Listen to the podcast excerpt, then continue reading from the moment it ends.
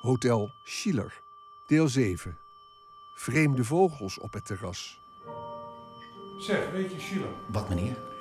het schijnt dat wij tot het eind van het herstelprogramma meer dan 1 miljard dollar aan Amerikaanse steun hebben ontvangen. Dat is ongeveer 109 dollar per hoofd van de bevolking. En de Duitsers, meneer? Ik geloof 29 dollar.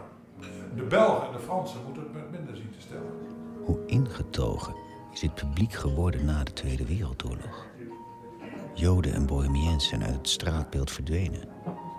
De Joodse handelaren van het Waterloopplein, allemaal weg. Het publiek in het hotel is eenvormig. Geen Joden, geen Duitse intellectuelen, geen vluchtelingen. Van hen is iedereen intussen dood. Of ergens gestrand. Op een andere plek in de wereld doorgegaan met hun leven. Iedereen op hol is geslagen. De hele wereld was op drift. Ik heb nog steeds munten van voor de oorlog. Hier, Poolse.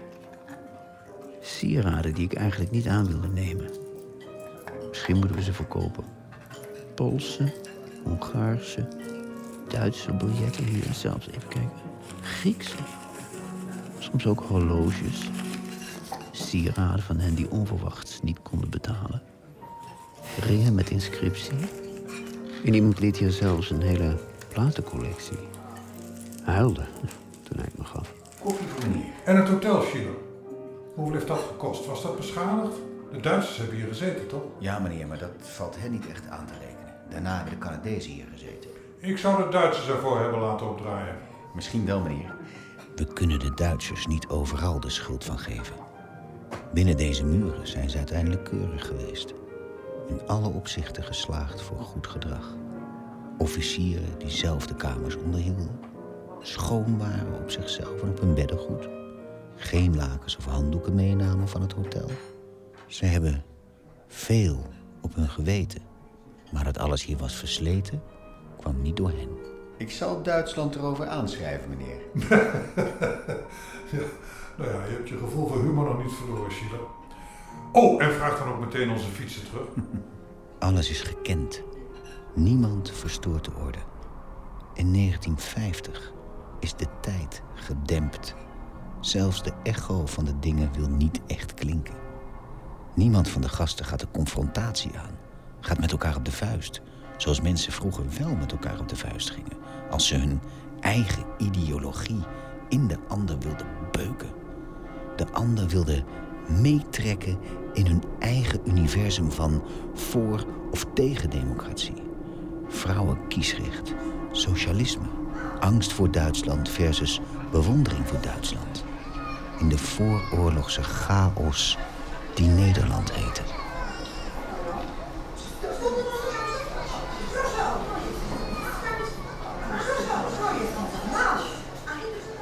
Het hotel zit afgeladen vol met vluchtelingen. Ze verdrijven de vaste gasten. Die houden niet van de klank van hun taal.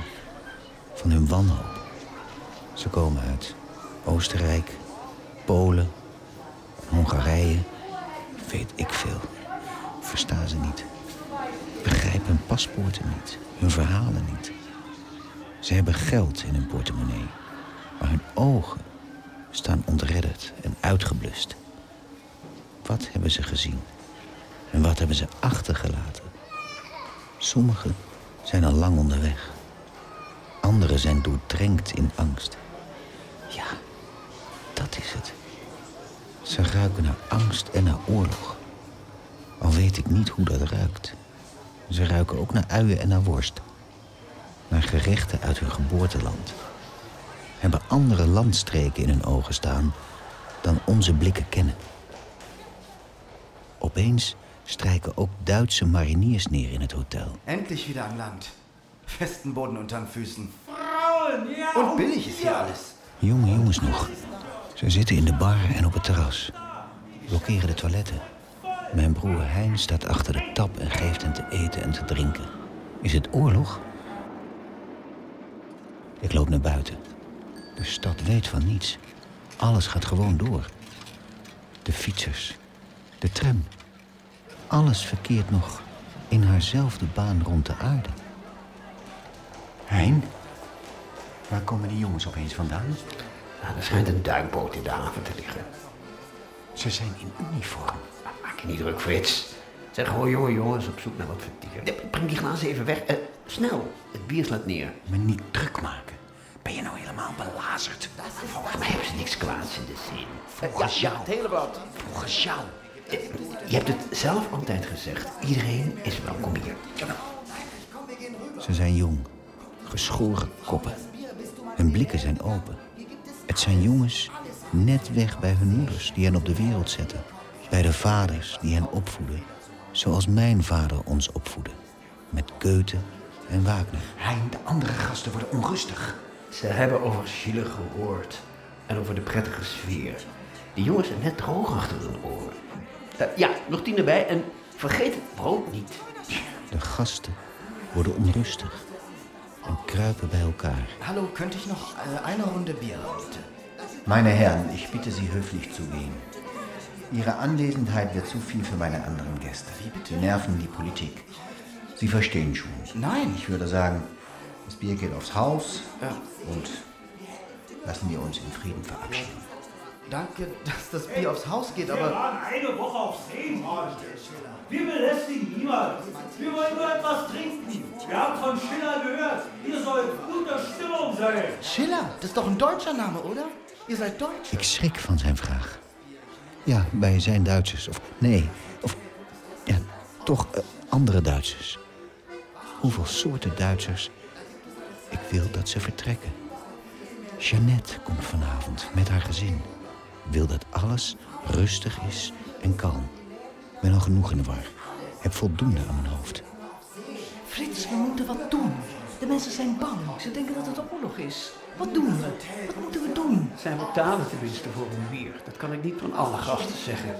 We moeten wat doen, Hein. Je hebt het zelf altijd gezegd, Frits. Als het om de gasten gaat, zijn we onpartijdig. Hein heeft gelijk. Ik heb vaker toegekeken en er het mijne van gedacht. Toen ze de zwerver Hadje me maar als woordvoerder lanceerde van de Rappaille-partij. Het werd zijn dood. Bij de driehoeksverhouding van Pissuis. Die eindigde met een moord. Ik heb toegekeken en heb het vaker verkeerd zien gaan. Heb het mezelf vaker verweten dat ik niet heb ingegrepen. Ben al lang niet onpartijdig meer. Wanneer is dat opeens gebeurd? Toen Jeannette de drempel overschreed. Sinds die dag sta ik in alles, maar dan ook in alles aan haar kant. Voel dezelfde woede als bij de staking. Ze ondermijnen mijn gezag. Dit is niet zomaar een horeca-aangelegenheid. Ik ben niet zomaar een kelner. Ze hebben het me hier gevraagd. Die Duitse bioscoop aan de overkant van het plein. Het Rembrandt-theater. Om een hakenkruisvlag te hijsen. En ik heb het hen gezegd dat ik niets te maken wil hebben met die vlag. Ik hier, de koning ben van het Rembrandtplein. Ich bitte ihn, gehen Sie weg. Sie brauchen nicht zu zahlen. Sie müssen gehen. Gehen Sie doch. Aber wer seid ihr? Wir kennen euch nicht. Wir haben euch nichts getan. Sie müssen gehen. Gehen Sie doch, bitte. Wenn Sie sich beschweren wollen, dann müssen Sie Hitler persönlich schreiben. Der hat uns hierher geschickt. Idioten!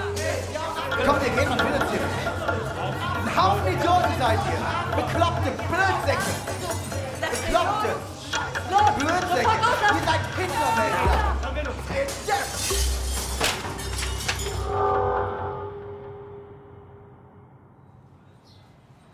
De hotelgasten vertrekken. Ze zijn doodsbang en in paniek. Toe, Elsa en ik lopen af en Laten we aan. niet bang maken. Gewoon jonge jongens. Het spijt ons. Het spijt ons zo. Jullie zijn veilig. Hier komt geen oorlog. Hier komt geen oorlog. Blijf toch. Bitte, blijven ze. Bitte, denken toch aan den kinderen. Frits, Hein. Kunnen ze het land nog uit? Gaan er nog Er boten? ligt een oorlogsschip in de haven om alle Amerikanen op te halen. En ergens deze week komt er weer een Engels schip. Ze vertrekken allemaal. Ze willen niet langer wachten. Ik blijf gastheer. Schud handen en wens hen het beste. Houd taxis aan. Help dames instappen en met de bagage.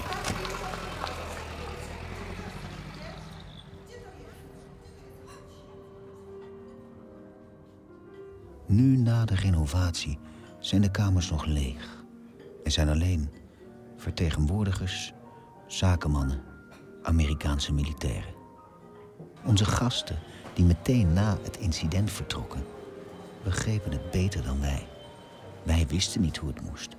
Vluchten. Het zat nog niet in onze genen. Wij misten het instinct, zoals dieren in de bossen vluchten bij brand. Onheil aanvoelen komen.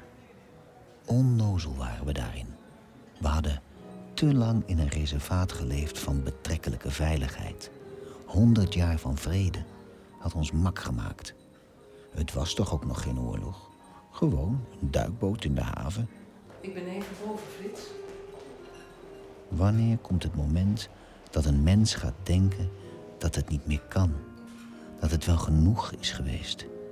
In plaats daarvan susten we onszelf in slaap met onze zelfverzonnen onschendbaarheid. We waren toch neutraal? Neutraal, neutraal. Riepen het de hele dag door. Neutraal, neutraal. Als een toverformule die een onzichtbare wand om ons land had getrokken. Vraag me af wat er van hen is geworden. Geloof dat hier in deze kamer nog ergens op de muur is geschreven. In een taal die ik niet kan lezen. Nee, weet niet wat er staat. Alles is verdwenen tijdens de renovatie. In de kamers hingen nog kleren. Er stonden nog koffers. Alles wat ze niet konden dragen hebben ze achtergelaten. Boeken, mappen met handgeschreven recepten. Ik heb lang nog veel voor hen bewaard. Vreemd dat juist deze boeken achterbleven. Alsof er toen al geen hoop meer was. Dat alles ooit nog zou worden zoals het was. Alsof er nooit meer zou worden gegeten of feest gevierd. Met de recepten uit het moederland. Een winterjas nog aan een haakje. Alsof er geen seizoenen meer kwamen. De warmte van de lichamen hing nog in de lakens. Weet wat ze voelden. Denk niet graag terug aan mijn huwelijk. Of aan mijn jeugd. En aan de manier waarop ik hier ben vertrokken. En weer ben teruggekomen. In de droom van mijn vader. Een familiehotel. Met onze naam over de hele gevel. Soms denk ik dat we allemaal wel ergens vluchtelingen zijn. Zet die tulpen hier maar neer. Laat ook even de kamers luchten. Ja, mevrouw Elsa. Gesmaakt? Het is dan 1,80. De oorlog was niet goed. Nee, dat was het niet. Maar het was wel zo dat de Duitsers hun rekeningen betaalden. En dat kon niet van iedereen worden gezegd. Ook voor de oorlog was het chaos. De laatste jaren mensen uit allerlei landen en werelddelen in vreemde muntsoorten en bankbiljetten betaalden. Die ik natuurlijk niet wilde accepteren. Alleen onze eigen valuta wilde. Ja, het was moeilijk om de rekeningen te innen. Vooral toen de paniek. Nee, dat was het laatste waar de mensen aan dachten. En we er geen grip meer op hadden. Toen iedereen overhaast vertrok. Wie had er nu wel, wie had er nu niet? We maar aanpakten wat ze me gaven voor ze in de taxis verdwenen. Zoveel overnachtingen, zoveel ontbijt, zo en zoveel avondschotel genoten. En dan de pasten van de bar. Daarvoor vier voor afrekenen, hè? Dames die in de middag nog thee hadden besteld, gebak hadden gegeten. Soms waren de rekeningen nog niet eens klaar. Compleet. Of bij elkaar opgeteld. En de mensen, ik begrijp het wel, hun hoofd stond er niet naar. Ze waren buiten zinnen. Iedereen in het hotel was buiten zinnen. Ik nou de enige was die, denk ik... Het, het was ook zo onwerkelijk allemaal, de uittocht hier toen. Het is drie gulden precies, mijn heren. Uiteindelijk was er veel te veel commotie. Was alles veel te hoog opgelopen. Er was niets aan de hand. De Duitse consul heeft het ons nog kwalijk genomen... omdat hij zelf graag in Schiller kwam. En ons had aanbevolen. Teleurgesteld in ons was, omdat we de jongens geweigerd hadden... en ze gevraagd hadden te vertrekken. Ze hadden niks verkeerds gedaan. Precies zoals ik zelf al zei. Jongens die na een week op zee wilden passagieren. Dat heeft hij ons nog in een officiële brief geschreven. Het waren gewone jongens. Precies wat ik zelf ook al had gezegd. Alles was toen veel te overtrokken. Zeg Schille, weet je, Duitsland is Polen binnengevallen. Ik hoor het ook net, meneer. De nachtwacht is uit zijn lijst gehaald en opgeborgen, voor de zekerheid. Een mens kan niet voorzichtig genoeg zijn, meneer. Wilt u proeven? Hm. Hmm. Uitstekend, Schiller. Een zachte afdronk, lichte citrus. Wat je zegt, wat je zegt. Hier komt geen oorlog. Geen oorlog. Niemand beweegt. Ook Jeannette en haar gezin blijven gewoon iedere avond komen. Dit is werkelijk voortreffelijk, lieve. Durf niet naar haar Poolse kinderen te vragen... waar ik ooit in haar naam de collecte voor deed. Zij hebben het er niet over. Smaakt het lief? Ze lijken alleen maar nieuwsgierig naar het schilderij dat ik van haar heb geschilderd. De wijn is voor het huis, meneer. Ach, Chile. Wat verwen je ons weer. Je wordt nog arm door ons. Het is niets, meneer. Een kleinigheid. U bent te vriendelijk. Heeft u uw portret gezien, mevrouw? Nou, we popelen, Chile. Nou, meneer Schiller, ik, ik weet niet hoe ik mezelf moet uitdrukken. Ik voel me zo gevleid. Dat is wederzijds, mevrouw. Dat is wederzijds. U schildert toch alleen kunstenaars en grootheden? U bent een grootheid, mevrouw. Ziet u wel? U hangt daar naast Louis Davids en Jean-Louis Pissuis. En boven Fundelamar. Prachtig, Chile. Zie heel goed de gelijkenis met mijn vrouw. De blik is goed getroffen. U bent een kunstenaar, meneer. Een echte kunstenaar. Dank u wel. U vlijt mij beiden, werkelijk waar. En tot mijn schande moet ik bekennen dat ik niet meer ben dan een schilderende hotelier. Kom nou toch, meneer Schiller. Niet zo bescheiden, Chile. U bent uw eigen artiest. U heeft dit alles hier gecreëerd. Ja, en de mensen komen alleen voor u. Ja. Meenden ze dat nou? Kwamen ze alleen voor mij? Ze kwamen terug. Iedere avond weer. Voor de schotel van de dag. Voor de gezelligheid in Schiller tussen deze muren. En ergens wist ik dat ze weg moesten gaan. Toen ook Denemarken en Noorwegen werden aangevallen... ze gewoon moesten vertrekken. Net zoals de andere vluchtelingen in het hotel... die hier met hun hoop en hun wanhoop kwamen... met hun koffers, hun zilver en hun goud. Ergens wist ik het. Had ik moeten zeggen, pak die boot nu het nog kan. Er is een Amerikaanse vloot, een Engels oorlogsschip. Ik hou een taxi voor jullie aan. Ga, vertrek. Jullie krijgen geen dessert hier meer. Jullie worden hier niet meer bediend. Verlaat jullie comfortabele leventje nu het nog kan. Maar ik heb het niet gedaan. Heb gezwegen uit eigen belang. De kans bestond dat ze niet meer terug zou komen. Dat ze zouden blijven in dat land waar ze heen zouden gaan. Natuurlijk naar Amerika. Hotel Chile zouden vergeten. In New York of Washington andere plekken vonden om te eten. Andere restaurants. Andere schotels van de dag, menus van de week. Anderen die bedienden. En vooral anderen die haar in stilte zouden kunnen beminnen. Ze bleven zitten en dineerden in alle rust op een schip dat begonnen was met zinken.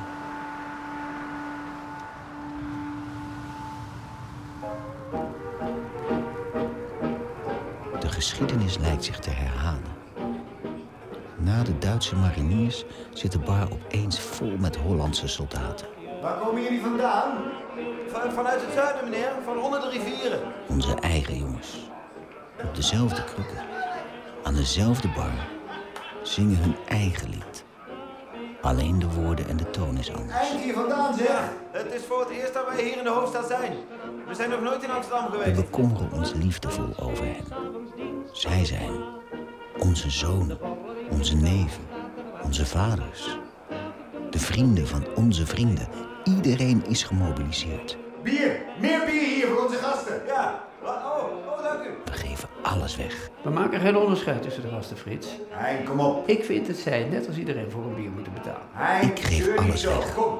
Luister niet naar hen. Ronde na ronde. Zij die te dronken zijn om terug te keren naar hun kazernes, leg ik in het hotel te slapen. Waak over hen. Luister in de nacht naar de geluiden van hun slaap. Loop over de gang. Zet hun schoenen recht. Laat kamermeisjes het leer poetsen van hun soldatenkiesjes.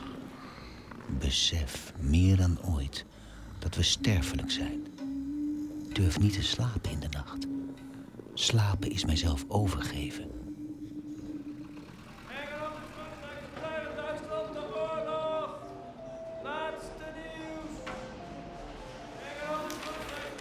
Engeland en Frankrijk hebben Duitsland de oorlog verklaard, Schiller. Ik hoor het ook net, meneer. Geen grappen meer, Schiller. Ah, nog eentje dan, zonder zijn naam te noemen. Ik lees hier net een aardige uiteenzetting over de snor van een zeker persoon. Ik eh, begrijp het. Doe maar niet, meneer. Overal om ons heen zijn oren. Sst. Maak hem niet boos. Maak geen grappen over hem. Doe niets waardoor hij zijn oog op ons laat vallen. Geen karikaturen, geen prenten van spot of venijn. De pers mag niets over Duitsland schrijven. We zijn van één ding overtuigd. Heel Europa zal branden. Maar Nederland blijft verschoond. Ongeschonden. We zijn rustig. Houden ons stil voor de reus. Frits, ik heb de kamermeisjes twee uur vrij afgegeven om voor onze jongens te breien. Er is van alles nodig. Sokken, sjaals, kniestukken. Overal in het restaurant breiende Dat vrouwen. is vooral behoefte aan sokken. Corrie breidt aan de vaste gastentafel. De kamermeisjes zitten op de trappen. Hoe vreedzaam en huiselijk. Zelfs Jeannette Johanna haalt een breiwerk uit de tas. Zo, mevrouw Jalosterski. Goedenavond, meneer Schiller. Het is zeker een mooie avond, mevrouw. U verbaast mij. Verbaas ik u, meneer Schiller. En waarom dan wel? U, een meester in de rechten, nu deskundig op de pennen. U denkt dat een vrouw in een beroep plots geen belangstelling meer heeft voor vrouwenzaken. Ook met de breipen in de hand dient men het vaderland, meneer Schiller. Zeker, zeker. Wat u zegt, daar heeft u natuurlijk gelijk, meneer. Ja, ik doe alles om onze jongens behulpzaam te zijn. Als een warme sjaal tot een overwinning kan leiden. Wat u gelijk heeft. Oh, past u toch op. Ik zal u niet langer storen. Straks laat u door mij nog een steekje vallen. Meneer Schiller toch. Wonderlijk hoe zelfs Jeannette over onze jongen spreekt. Op straat, hier in de bar, in het restaurant. Iedereen hetzelfde zegt. Er zijn geen Joden of protestanten of katholieken. Er zijn alleen nog Nederlanders. De Pools-Joodse Jeannette en ik met mijn Duitse ziel. Wij, wij zijn Nederlanders. De kranten zeggen het ons. In Nederland geen rassenhaat.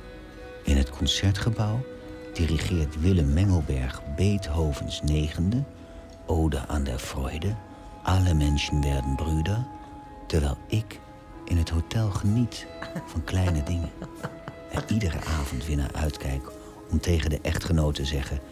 de mooie dame in uw gezelschap hoeft niet voor haar dessert te betalen. Om haar glimlach te zien, op haar serieuze gezicht dat strak kan zijn... maar als ze lacht, breekt alles open. Hoor ik keuten. Was hij het niet geweest die zei dat de enige echte liefde de onmogelijke liefde was? Aandacht voor het ANP. En dan is het opeens toch nog oorlog. Het Algemeen Hoofdkwartier deelde ons hedenochtend om kwart over vijf het volgende mede. Van drie uur af hebben Duitse troepen de grens overschreden. Het overvalt ons toch nog. Eigenlijk geloven we het niet. Hoe kan dat nou? We hebben het iedereen beloofd. Wij, de Schielers, hebben al onze gasten beloofd dat het nooit oorlog zal worden. Niet in Holland, niet in Amsterdam, niet op het Rembrandtplein en zeker niet in het hotel. Het hotel is de laatste plek op aarde waar het oorlog zal wezen. Iedereen is veilig in onze kamers met stromend water. Tussen onze lakens. Of het nu kunstenaars zijn of joden, communisten of liberalen, beroemdheden of vluchtelingen, iedereen kan altijd terecht bij Schiller.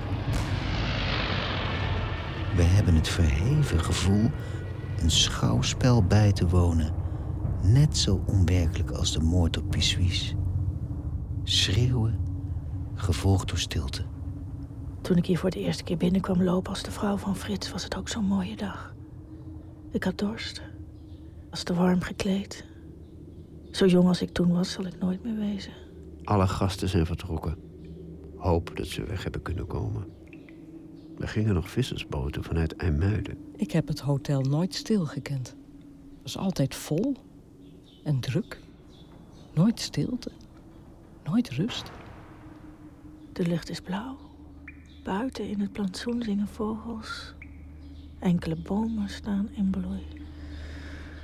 Hoe stil en leeg is het hier rond de vaste gastentafel. Zo leeg dat ik de kamers hoor zuchten. Raar. De geluiden zonder aanwezigheid van mensen. Hoor het kraken van de trap. Af en toe het slaan van een deur. Terwijl ik weet dat er niemand meer is. We moeten. We moeten de gastenlijsten verscheuren. De boeken met de namen. Misschien ook de rekeningen. De boekhouding. We moeten, we moeten de ramen afplakken met plakband, zodat ze niet versplinteren als ze de bommen gooien. Uit alle 70 kamers in het hotel opeens straks alle ruiten versplinteren. Eruit liggen. We moeten, moeten alle baden in de kamers vol laten lopen met water. Drinkwater kan vergiftigd worden. Toch is er opluchting. De strijd is voorbij. Het onheil dat zo lang boven ons hoofd heeft gehangen, heeft een gezicht gekregen. Ik heb het me niet verbeeld. De benauwenis van het paard van Buzio dat opgesloten zat in het hotel. De muizenplagen. Het was er al.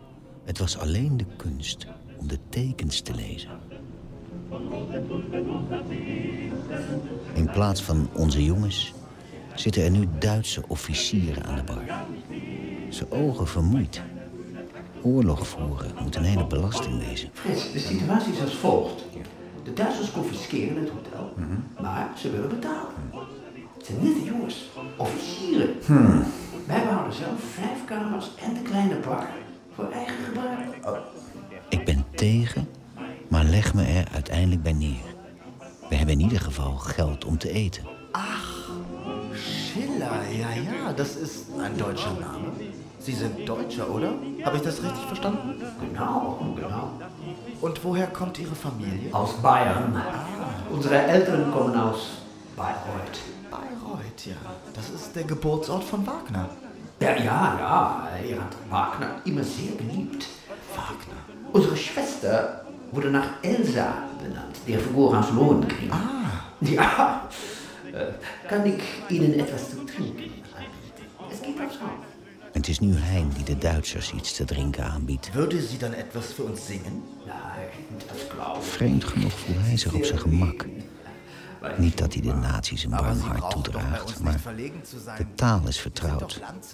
Het is de taal van onze vader, van onze jeugd. Haben Sie schon etwas von der Stadt gesehen? We zijn het Duits nog niet Stadtplan? Houden ervan om Duits te spreken. De stem te horen van onze vader. Es wird Ihnen gefallen. Die Häuser sind hier Ze heffen het glas en proosten. Van Jeannette en haar gezin ontbrak ieder spoor. Misschien hebben ze nog kunnen vluchten. Iedereen zei het nog. Vanuit IJmuiden gingen nog wel boten.